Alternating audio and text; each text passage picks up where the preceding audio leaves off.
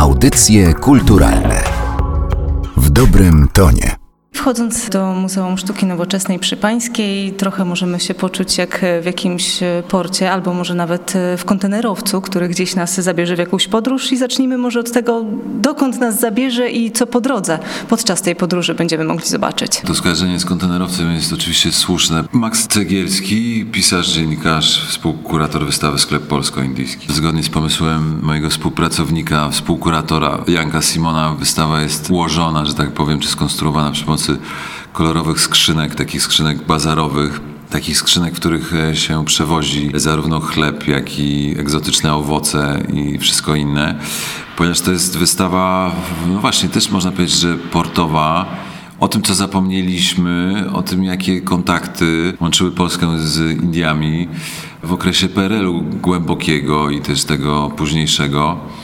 E, wystawa o tym, że w 1989 roku zwracając się że tak powiem, z powrotem ku zachodowi, też odcięliśmy się od wschodu. I też myślę, że to jest wystawa, która w takim szerszym polu przypomina, że polska tożsamość to jest zawsze taka walka pomiędzy tym, y, co przybywa ze wschodu i tym, co przybywa z zachodu.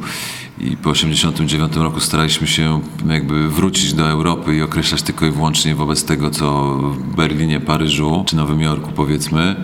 Natomiast ta wystawa przypomina o tym, że naszą tożsamość polską paradoksalnie kształtowały dalekie Indie, które właśnie się okazuje, że nie były aż tak dalekie, jakby się wydawało, tylko że były gdzieś politycznie, ekonomicznie, kulturowo, paradoksalnie bliskie w okresie PRL-u. Ja się urodziłem w 75 roku, Janek Simon mniej więcej też. Więc z jednej strony pamiętamy PRL i ten PRL nas interesuje, to znaczy interesuje nas, jak wyglądało nasze dzieciństwo. Ale z drugiej strony już kiedy byliśmy pełnoletni, to PRL-u nie było. My zaczęliśmy jeździć do Indii pod koniec lat 90. z Lonely Planet pod pachą, z przewodnikiem, szukając przygody, szukając egzotyki, szukając duchowości również. Dlatego zaskakiwało i mnie i Janka, niezależnie od siebie, to, że Hindusi jakoś pamiętają jakichś innych Polaków, że tak powiem. Pamiętają jakichś Polaków, z którymi my nie mieliśmy już styczności, czyli takich Polaków handlowców.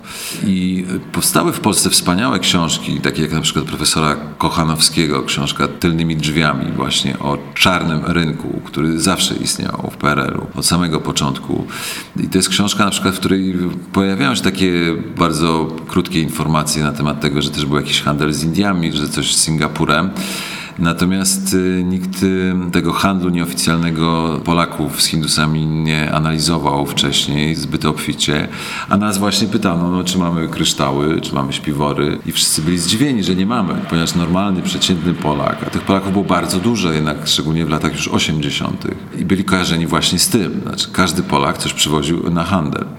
I oczywiście, że z jednej strony to była w ogóle taka cecha turystyki w okresie socjalizmu, znaczy, że to była turystyka handlowa, tak? Jak się jechało nawet na wczasy do Bułgarii, to się przewoziło jakieś rzeczy, żeby je sprzedać, żeby jak najmniej dokładać do wyjazdu albo jeszcze zarobić. Później się jeździło po swetry do Turcji. Ja jeszcze, jak jechałem pod koniec lat 90. do Indii przez Turcję, to jechałem jeszcze takim autokarem pełnym handlarzy, którzy jechali do Stambułu właśnie zamawiać dekatyzowane dżinsy, swetry i tak dalej. Natomiast my jakby z Jankiem nie do końca wiedzieliśmy, dlaczego oni nas o to wszystko pytają o te kryształy, no i zaczęliśmy drążyć. Tutaj bardzo ważnym elementem jest to, że pojawiły się filmy i książki o Himalajistach, takie jak właśnie Sztuka Wolności Słoty i Kłosowicza, gdzie Himalajści zaczęli opowiadać o tym, jak oni finansowali swoje wyprawy, i jak zaczęli przecierać te szlaki mm, już daleko wschodnie, przemytnicze. I zanim do tych przemytników jeszcze dojdziemy, to może w ogóle byśmy wrócili do tych początków, do tych relacji polsko-indyjskich, jak one wyglądały w czasach PRL-u, jak się zmieniały wraz ze zmianami, które u nas w kraju zachodziły. Ta nasza opowieść się zaczyna już właśnie w czasie odwilży. Ona się zaczyna w takim okresie, kiedy to mm, wszystko staje się płynne, kiedy w 1955 roku przyjeżdża do Warszawy i do Krakowa i na Śląsk Nehru, czyli pierwszy premier niepodległych Indii. Dwa lata później, w 1957 do Indii leci polski premier, tak zwany wieczny premier, czyli Cyrankiewicz. I zostają podpisane umowy handlowe. Polscy dygnitarze partyjni szukają jakichś jednak możliwości rozwoju, tak? Znaczy szukają jakichś rynków zbytu, szukają jakichś y, biznesów po prostu dla Polski dla siebie zapewne również. A z drugiej strony Indie są krajem oficjalnie niezaangażowanym, ale krajem, y, który jednak bardzo na lewo w stronę socjalizmu, w stronę Związku Radzieckiego się skłania. Bo sam Nehru, pomimo tego, że skończył studia w Wielkiej Brytanii i był jakby wychowankiem brytyjskiego systemu edukacyjnego, był zafascynowany Związkiem Radzieckim również z prostego powodu. No, trzeba pamiętać, że Indie to były te już chyba wtedy przynajmniej z miliard ludzi powiedzmy około. Po kolonializmie brytyjskim jednak kraj biedny bardzo. Kraj, który potrzebuje szybką transformacji, potrzebuje jakiejś ogromnej zmiany ekonomicznej w momencie, kiedy uzyskuje niepodległość. I Neru w związku z tymi inklinacjami lewicowymi szuka również w obozie socjalistycznym. Ale też, i to jest jakby istotne, że Polacy jeżdżąc na wschód do Indii spotykali co chwila Zachód. Już na przełomie lat 50. i 60. polscy ekonomiści, Kalecki, Lange, Zachs, pracujący w Indiach, właśnie współpracujący z rządem indyjskim, opracowujący plany rozwoju dla Indii, spotykają tam e, specjalistów z kolei z Zachodu, ponieważ Nehru zaprasza i tych ze wschodu, i tych z Zachodu.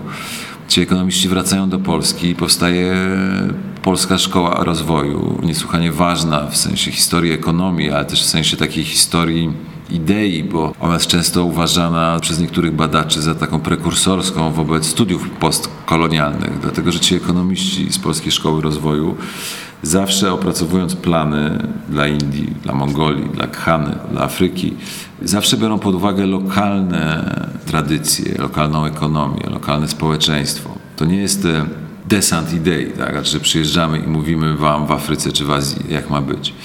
Dla polskiej ekonomii, dla polskiej myśli e, te kontakty z Indiami są ważne. Są ważne, ponieważ jeżdżą tam e, inżynierowie polscy, ponieważ tych umów handlowych jest coraz więcej. Nehru chce mieć fabryki takie jak w Polsce, e, chce mieć industrializację, więc fabryki szkła, przetwórnie cukru, kopalnie, statki wielkie robione w Stoczni Gdańskiej, później dla Indii. I to jest taka oficjalna struktura, oficjalny dyskurs, który na przykład powoduje, że jeszcze ja, jak jechałem do Indii pod koniec lat 90., wiza indyjska była za darmo, wciąż. Przez cały okres PRL-u wiza do Indii była za darmo. Dostawało się ją w przeciągu 24 godzin bez żadnego problemu. Ta wystawa Sklep Polsko-Indyjski jest trochę o takim wschodnim oknie na świat. To znaczy, mamy żelazną kurtynę oczywiście. Niektórym udaje się wyjechać do Paryża symbolicznego. Natomiast paradoksalnie jest łatwiej polecieć do Indii. W 1977 roku LOT y, otwiera połączenie przez Dubaj i Bombaj do Bangkoku, do Tajlandii, które pokazujemy w postaci reklamówki z Bolkiem i Lolkiem, która wtedy powstała. A już w latach 80. LOT lata bezpośrednio raz w tygodniu do Indii. Ułatwiając trochę pracę przemytnikom. Dzięki tej oficjalnej strukturze, którą są też biura lotu, otwiera się właśnie biuro lotu w Delhi, to jest ta oficjalna struktura, która umożliwia zupełnie nieoficjalne kontakty. Nie byłoby tych nieoficjalnych bez tych oficjalnych. Paradoks jest też taki, to jest ta część wystawy poświęcona komputerom, które Polacy sprowadzają z Singapuru do Indii. Komputery, magnetowidy sprowadzają też y, z Singapuru do Polski. Szmuglują złoto z Singapuru do Indii, zarabiając ogromne pieniądze. I wtedy na przykład pod koniec lat 80. była taka afera w prasie polskiej, że jacyś grupa studentów zaopatruje polskie oficjalne instytucje komputerami przemycanymi nieoficjalnie z Singapuru. To był już ten okres, kiedy z kolei ten poziom oficjalny się musiał wspomagać tym nieoficjalnym. No, mamy po odwołaniu stanu wojennego potworny kryzys ekonomiczny w Polsce i jednak próby dawania ludziom jakiejś przestrzeni, w tym sensie, że myślę, że władza przymykała oczy na zarówno, nie wiem, sprowadzanie czegoś, nie wiem, z Jugosławii, jak i na sprowadzanie tekstyliów z Indii. E, rynek jest wypuszczony, więc te wszystkie szmaty z Indii cieszą się ogromną popularnością. I cały czas te dwa poziomy, oficjalny i nieoficjalny, się jakoś tam zazębiają. I myślę, że skoro na przełomie lat 80. i 90. na kontach walutowych w Polsce, legalnie już funkcjonujących od Gierka, który to umożliwił, mamy parę miliardów dolarów, to to oznacza, że ta nieoficjalna ekonomia, oczywiście nie tylko złoto z Singapuru nie tylko tekstylia z Indii, bo też gdzieś tutaj bliższe interesy, wygenerowały ogromne pieniądze, które, tak jak rozmawialiśmy z ekonomistami, szykując z Jankiem Simonem wystawę, te pieniądze były istotne.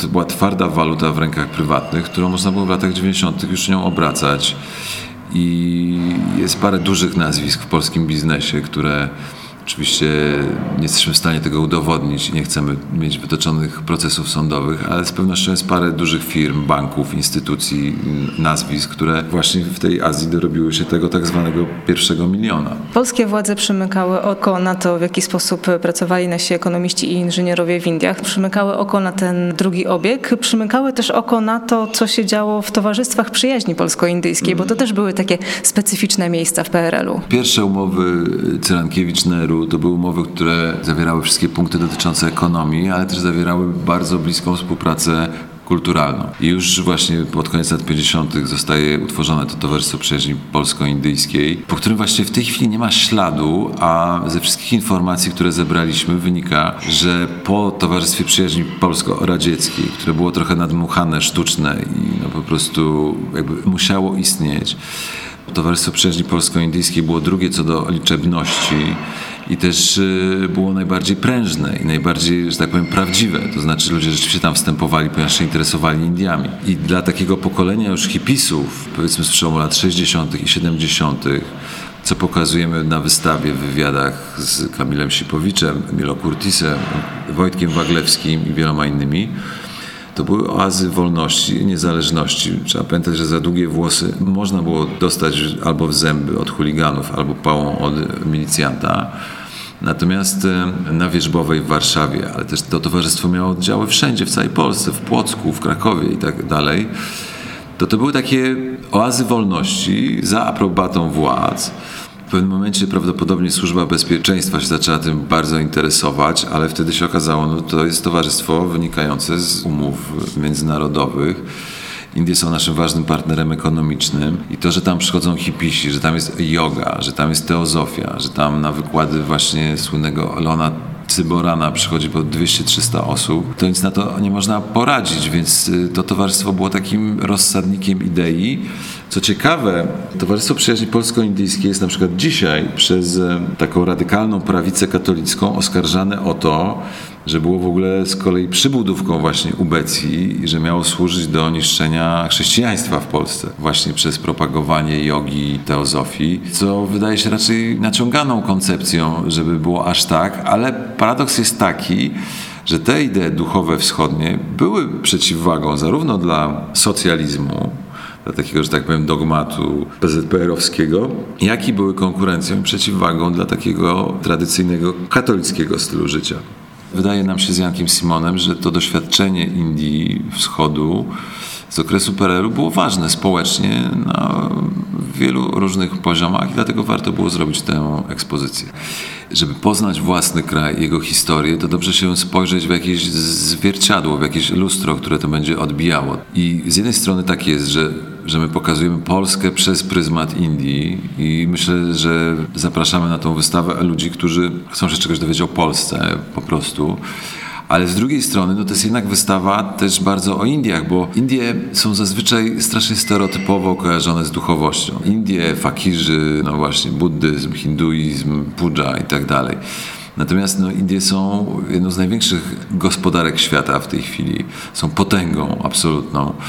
Ich historia, kiedy uzyskały niepodległość po II wojnie światowej, jest bardzo podobna do historii Polski. Czy właśnie socjalizm, później z kolei w latach 90. Indie się tak samo otwierały jak my. Więc to jest taka wystawa, która też przełamuje schemat myślenia o Indiach. To jest jakby wystawa, która pokazuje Indię od strony polityczno-społeczno-ekonomicznej. Myślę, że dla tych, którzy chcą się czegoś dowiedzieć o Indiach, to jest też interesująca propozycja. Ponieważ my zaczynamy tą narrację od lat 50., więc nie koncentrujemy się za bardzo na tych tak zwanych obozach, ale obozach w sensie pozytywnym, czy wioskach dla polskich dzieci, które powstały w Indiach podczas II wojny światowej, kiedy część jakby armii Andersa, że tak powiem, Polaków z Rosji sowieckiej przez Indię się wydostawała i tam otrzymały wspaniałą pomoc. To jest taki wątek, który jest ostatnio przypominany. Natomiast wszystkim ta wystawa przypomina o tym, że Polska niekoniecznie była taka, jak nam się wydaje, to po pierwsze. A po drugie, że pomimo tego, że teraz się zamykamy na świat i boimy się świata w zasadzie, mam wrażenie, to Polacy, przynajmniej w tym okresie i w Indiach, byli bardzo otwarci, bardzo odważni. Jak tylko mogli, to jeździli w świat, szukali dróg, szukali spotkań i potrafili się dogadywać z ludźmi z innych stron świata, wyznających kompletnie inną religię, inną kulturę i, i tak dalej. Więc myślę, że to jest taki pozytywny przykład na przyszłość, że potrafimy i powinniśmy jednak spotykać się z innymi kulturami. Audycje kulturalne w dobrym tonie.